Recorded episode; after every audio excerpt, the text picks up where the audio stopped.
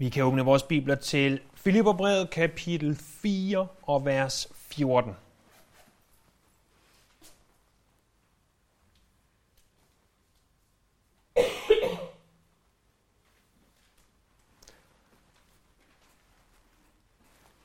Vi læser et andet sted i der Paulus' brev, i, i Galaterbrevet, at når det kom til Guds nåde, når det kom til at være øh, at stå fast på det, som er øh, helt klart en af fundamenterne i vores tro, så fortræk Paulus ikke en mine. Hans ansigt var som sat i flint. Når han modstod Peter og sagde til ham, du bøjer reglerne, Peter. Du laver om på tingene. Øh, du, øh, du leger med lovtrældom. Var der ikke en mine at fortrække? Men i det, som Paulus han skriver i dag, der er det lidt som om, at han bliver lidt mere rød i ansigtet. At hans øjne flakker, og han måske endda kigger lidt ned i jorden, hvis han havde sagt det her ansigt til ansigt. Det, det er som om, at Paulus han lidt er en stor undskyldning for sig selv. Grund til, at han er det, er, at han ikke ønsker at blive misforstået. I det, han taler om et yderst ømtåligt emne, nemlig det at give penge til Guds rige. Og jeg sympatiserer fuldstændig og aldeles med Paulus.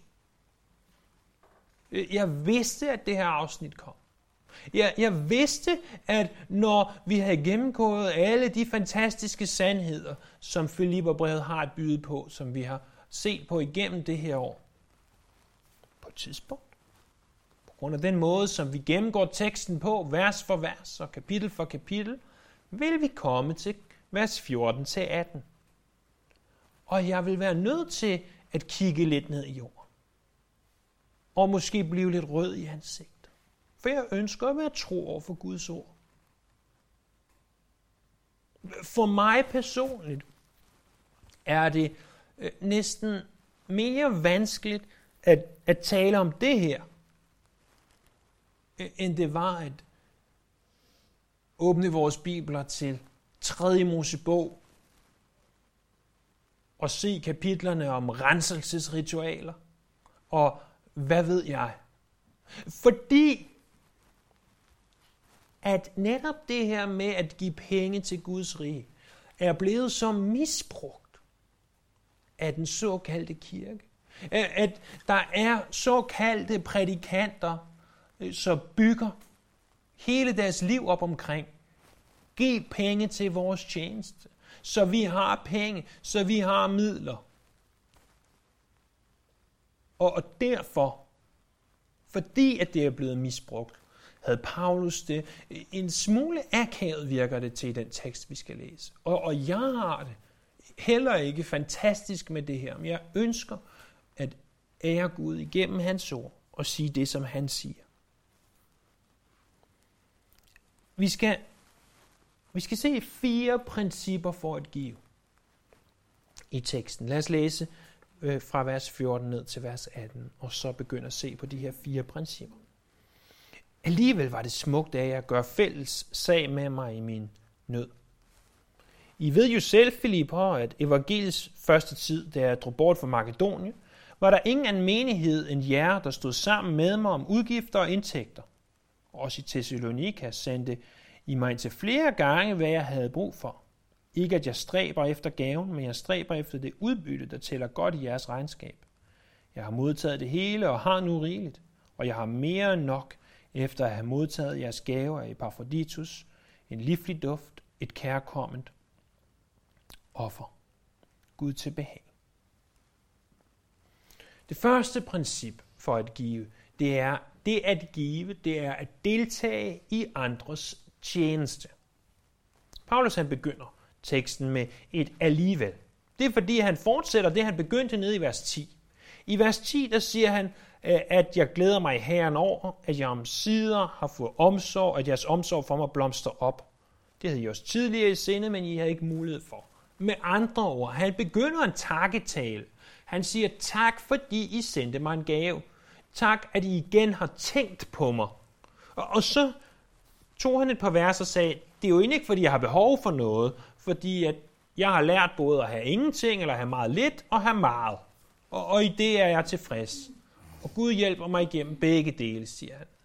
Men så stopper han op igen og siger, det er jo ikke, fordi jeg er utaknemmelig over det, I har givet mig. Jeg er ganske taknemmelig. Selvom vi har hørt det mange gange, så sad Paulus jo i husarrest, en slags fængsel i Rom. Han havde en vis form for frihed, men også en vis form for fangenskab. Og gaven var bestemt kærkom. Selvom han måske nok skulle have klaret sig uden. For Paulus var ikke længere i stand til at arbejde, og, og derfor var det en smuk handling, de gjorde. Det var smukt af jer at gøre fælles gavn.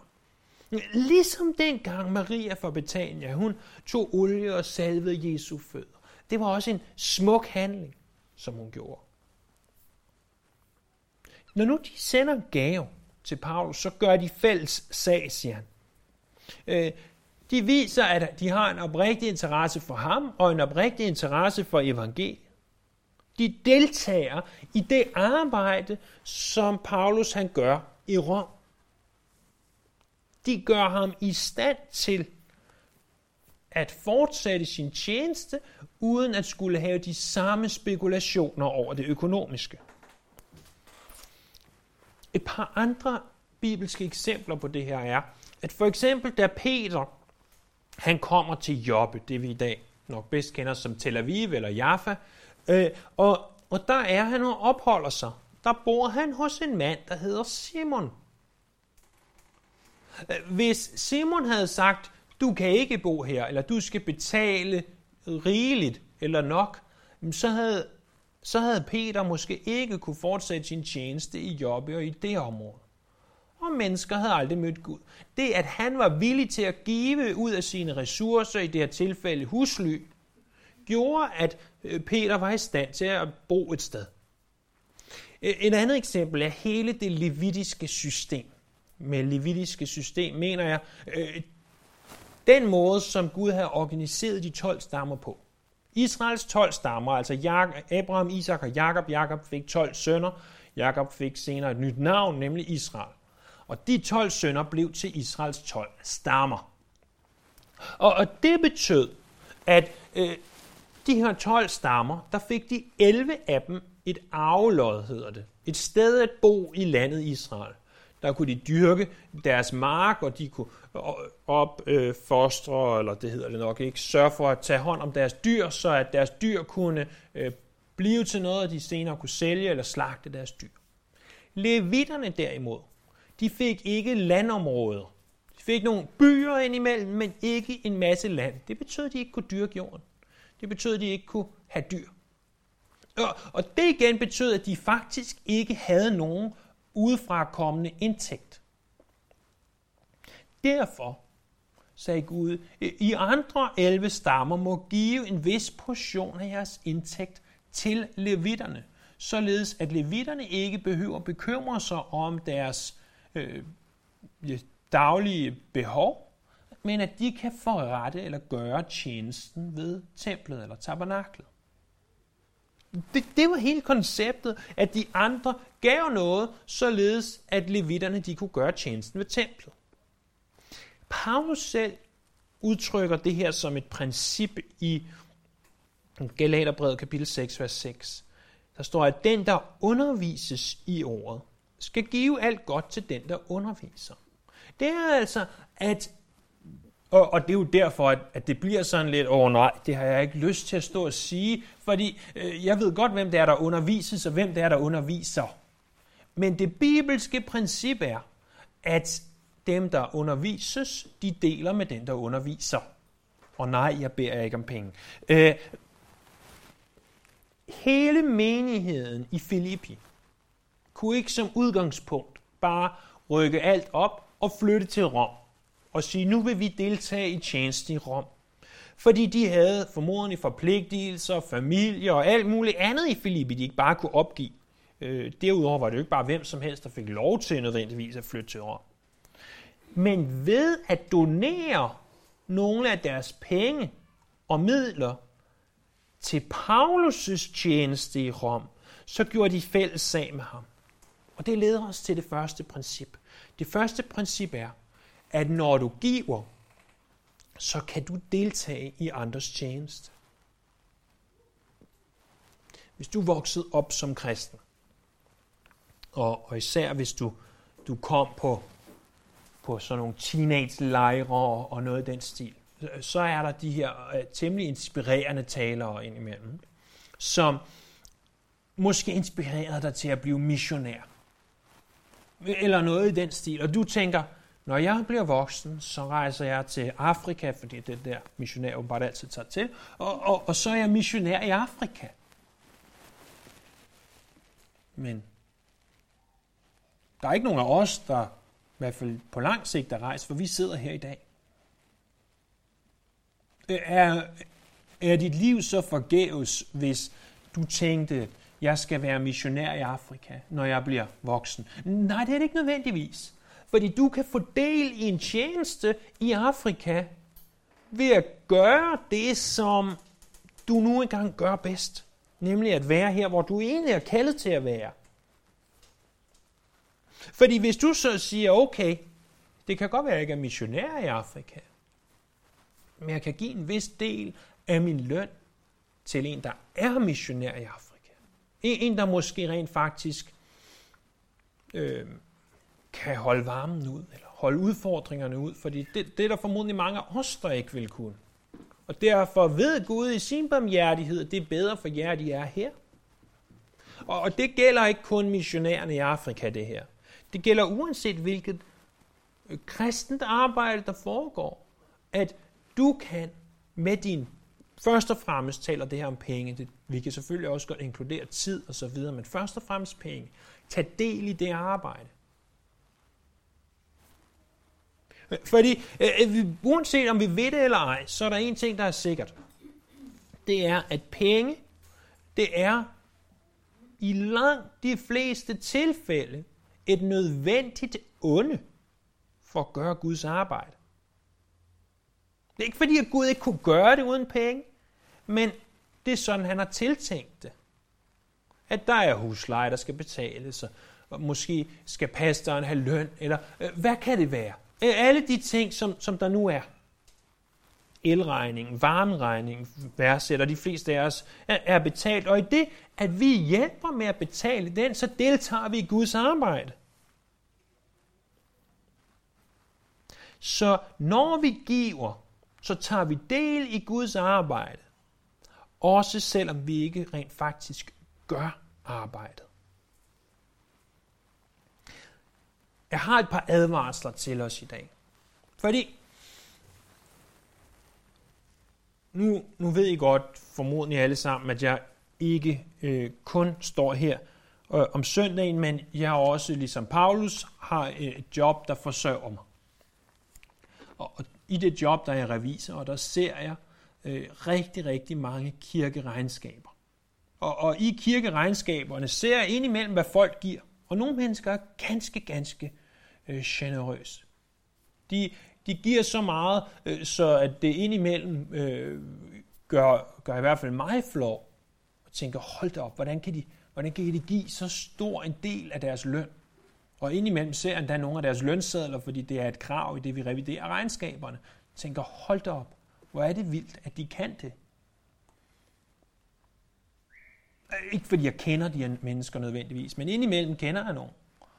Og hvis, hvis de mennesker blot giver, fordi at det er et, en lærer i kirken, at hvis du ikke giver en vis procentdel, så er du ikke god nok. Øh, eller at når du har givet, så har du ligesom gjort det, du skal. Er det ikke den fælde, som så mange af os hopper i? At når vi har læst vores kapitel, eller vores vers, eller vores afsnit i Bibelen, når vi har lige bedt en bøn, når vi har givet en eller anden sum til kirken, at så er det godt nok.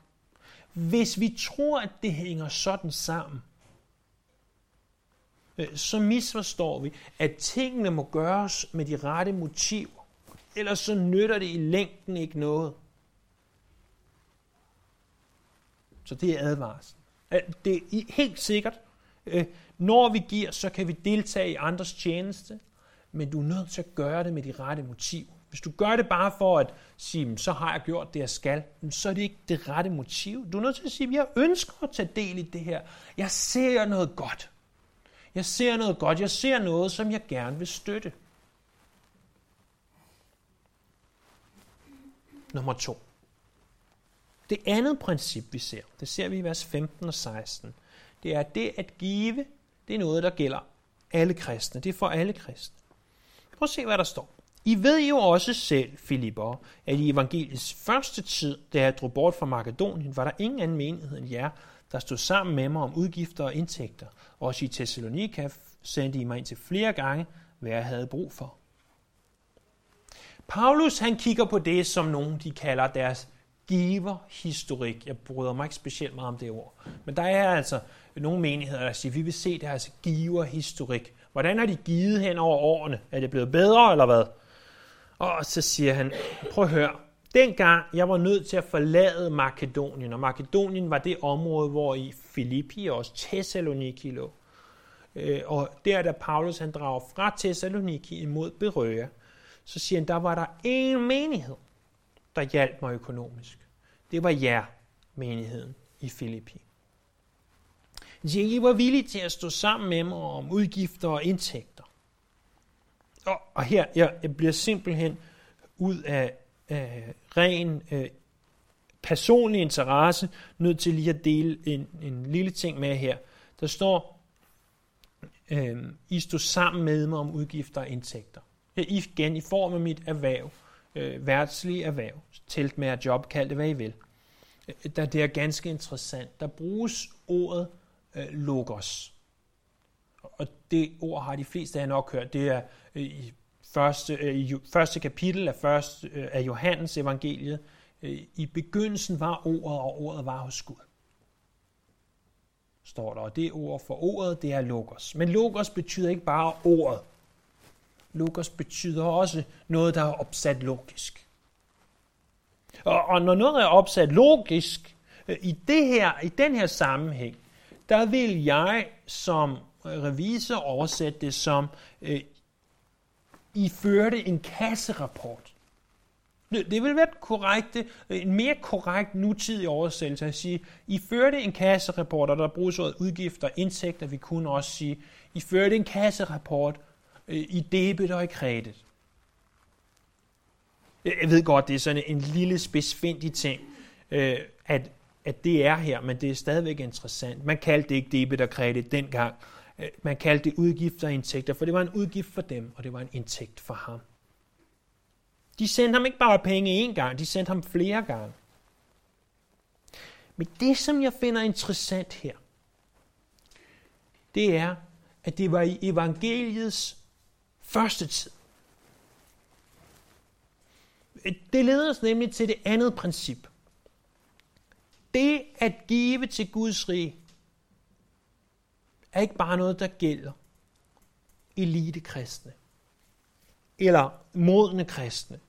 Øh, det er noget, der gælder alle kristne, fordi de gjorde det for evangeliets første tid, lige fra de var blevet omvendt, betyder det her udtryk fra evangeliets første tid. Det er først mødte evangeliet,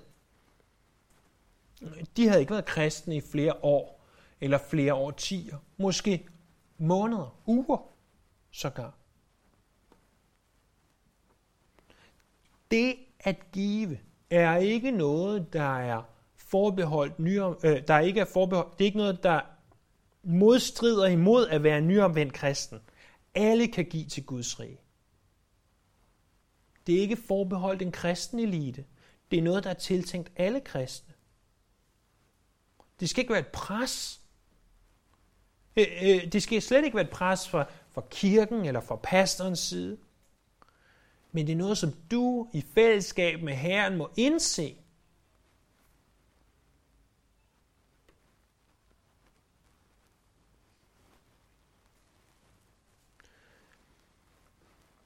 Det tredje princip, det er, det at give, det er frugt til dig selv. Det er det, vi ser i vers 17.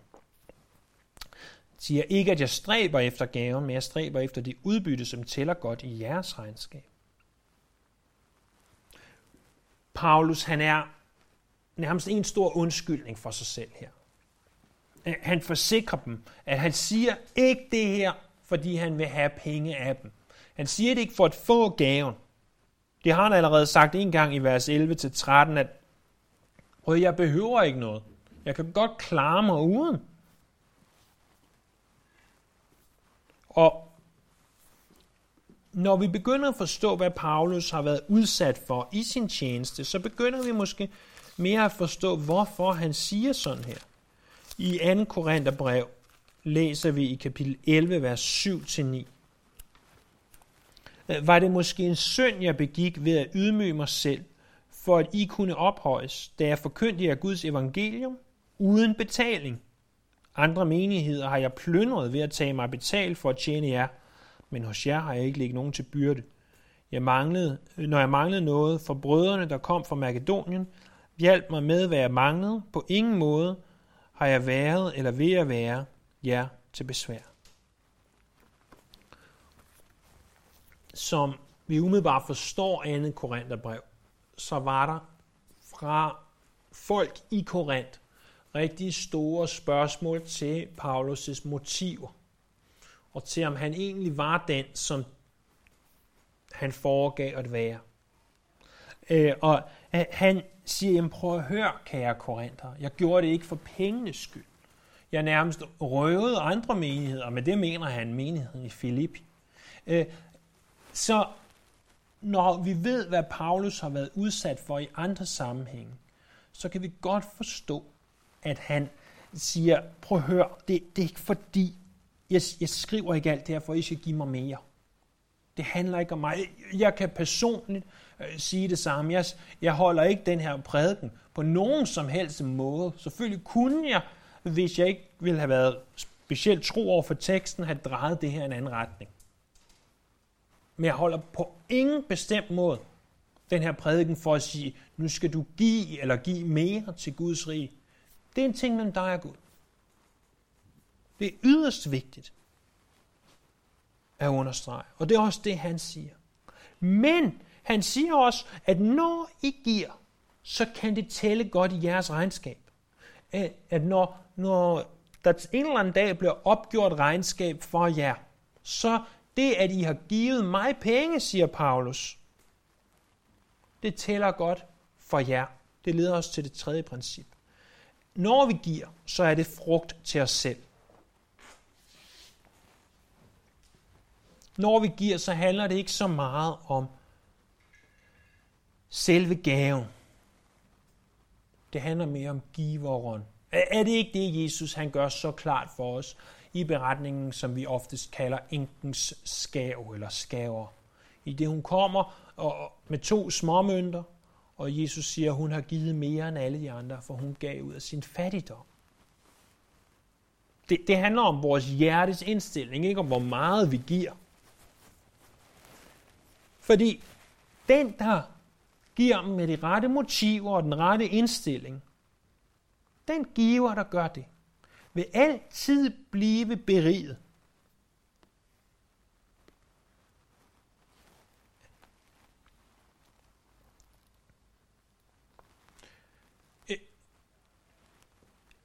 Jeg tror, at de fleste af os, hvis ikke os alle sammen, kan måske huske tilbage på, på den gang, før man fik børn, eller den gang man var barn, hvor fantastisk det var at få en gave. Og det er stadigvæk dejligt at få en gave. Nu, nu taler jeg om en julegave, eller en fødselsdagsgave, eller noget af den stil. Og, selvom jeg da også synes, det er dejligt at få både sokker og stegepander og julegave, så, øh, så er der alligevel ikke noget bedre end at se mine børns ansigter. Når, når de åbner det, som, som de måske har ønsket sig. Fordi jeg ved godt, det at give på mange måder giver mere end at få. Og det er også sandt i Guds rige. Ordsprogene 11.25, der står, den gavmilde får selv stillet sin sult. Den, der giver andre at drikke, får selv stillet sin tørst. Eller i ordsprogene 19.17, den, der forbarmer sig over den svage, giver et lån til Herren, og Herren gengælder hans gerning. Eller i 2. Korinther 9.7, men enhver skal give, som han har hjerte til, ikke vrangvilligt og ikke under pres, for Gud elsker en glad give. Så når vi giver til Guds rig, så er der selvfølgelig andre, som kan bruge de her penge i sidste ende, der bliver glade. Men nok den, der får allermest ud af det, er os selv. Selvfølgelig er der igen her en advarsel. Du skal ikke give for at få udbyttet. Men jeg synes, det hjælper at vide, at det er tilfældet, at når vi giver til Guds rige, så vil der i sidste ende komme noget godt ud af det for os selv også. Og så det fjerde og sidste princip, som vi ser i vers 18. Jeg har modtaget det hele og har nu rigeligt. Jeg har mere end nok, efter jeg har modtaget jeres gaver i Paphroditus, en livlig duft, et kærkommende offer, Gud til behag. En gang til siger han tak. Han siger tak, fordi Epaphroditus, som jeg også læste om i kapitel 2, han har bragt den her gave. Og han siger, jeg har rigeligt, jeg har mere end nok. Han beskriver den her gave for det første som en livlig duft.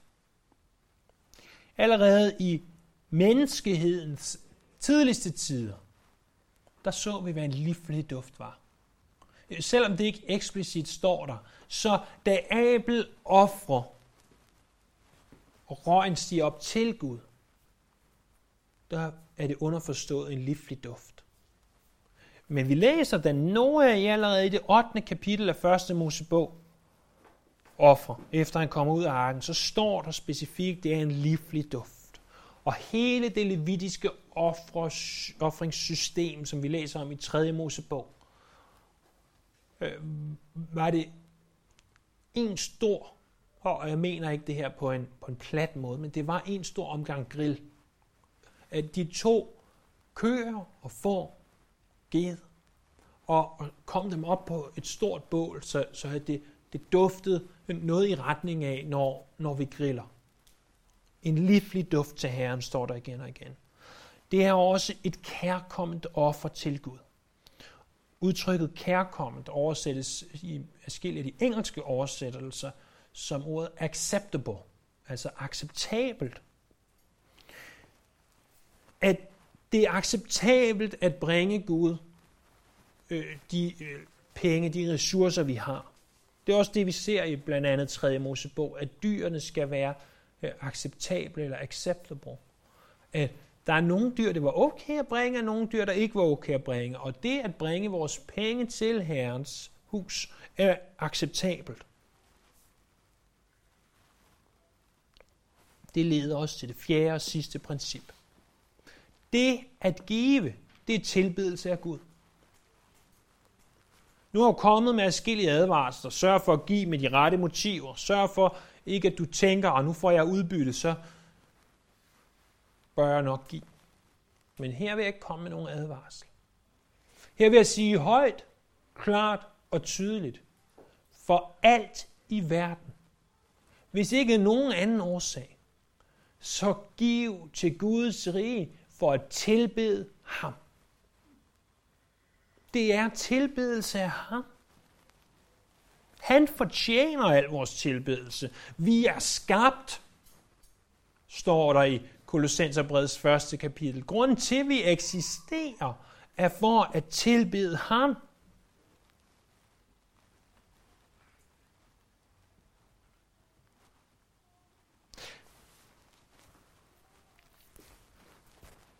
I hører mig søndag efter søndag sige, Læs jeres bibler. Be. Kom i kirke, have fællesskab, lovsøg, så videre og så videre. Hvorfor siger jeg det igen og igen og igen og igen? Hvorfor, når vi tager på konference, hører vi de ting igen og igen og igen og igen og igen og igen? Det, det er som om, at det er øh, historiens stille trommeslag, der bare kører konstant. Læs din Bibel, B. Kom i kirke og have fællesskab og lovsøg. Det siger vi igen og igen. Fordi for det første er det svært for os som mennesker i vores kød at tage os sammen til. For de fleste af os falder det os ikke specielt naturligt at tale med en, vi ikke kan se. Eller at hver eneste dag, hele vores liv, at åbne den samme bog, som er to til næsten 4.000 øh, år gammel. Øh, det, det falder os ikke som mennesker specielt naturligt.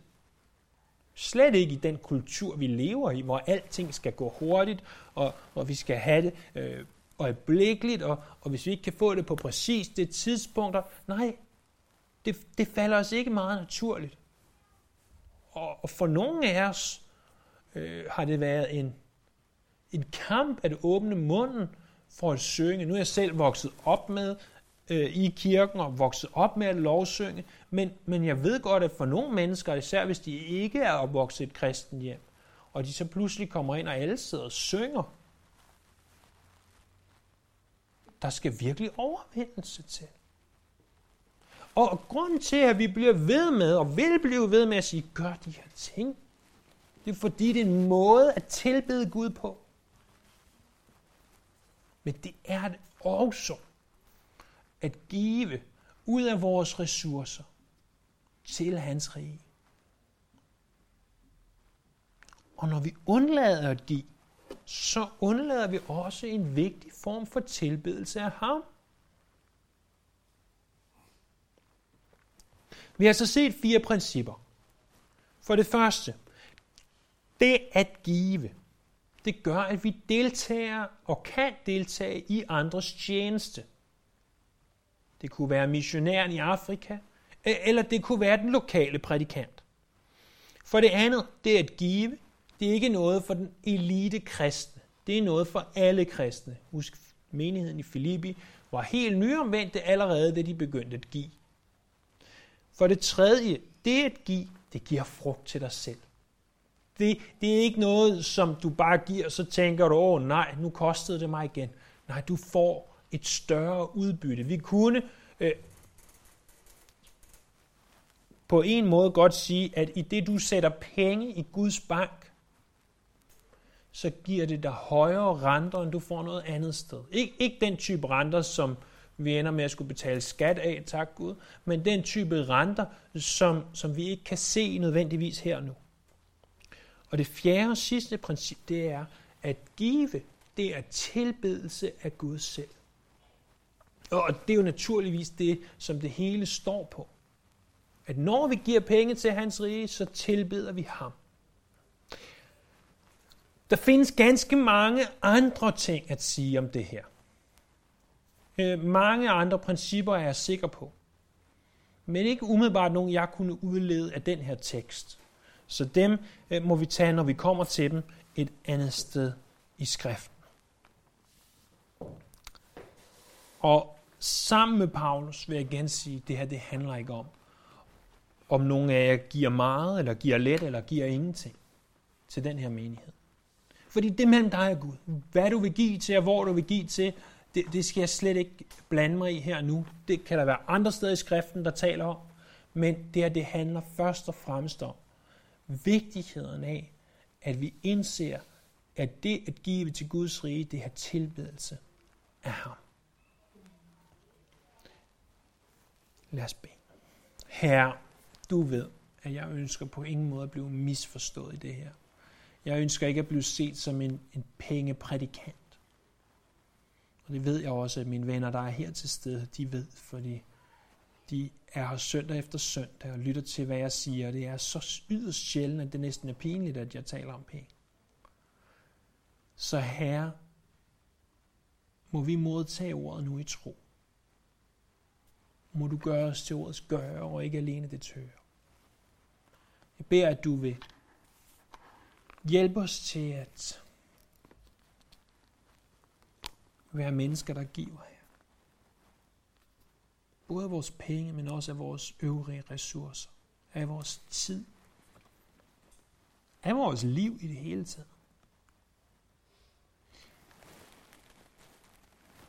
Her tak for alle gode gaver, som du skænker os. Må vi kunne give nogle af dem tilbage til dig.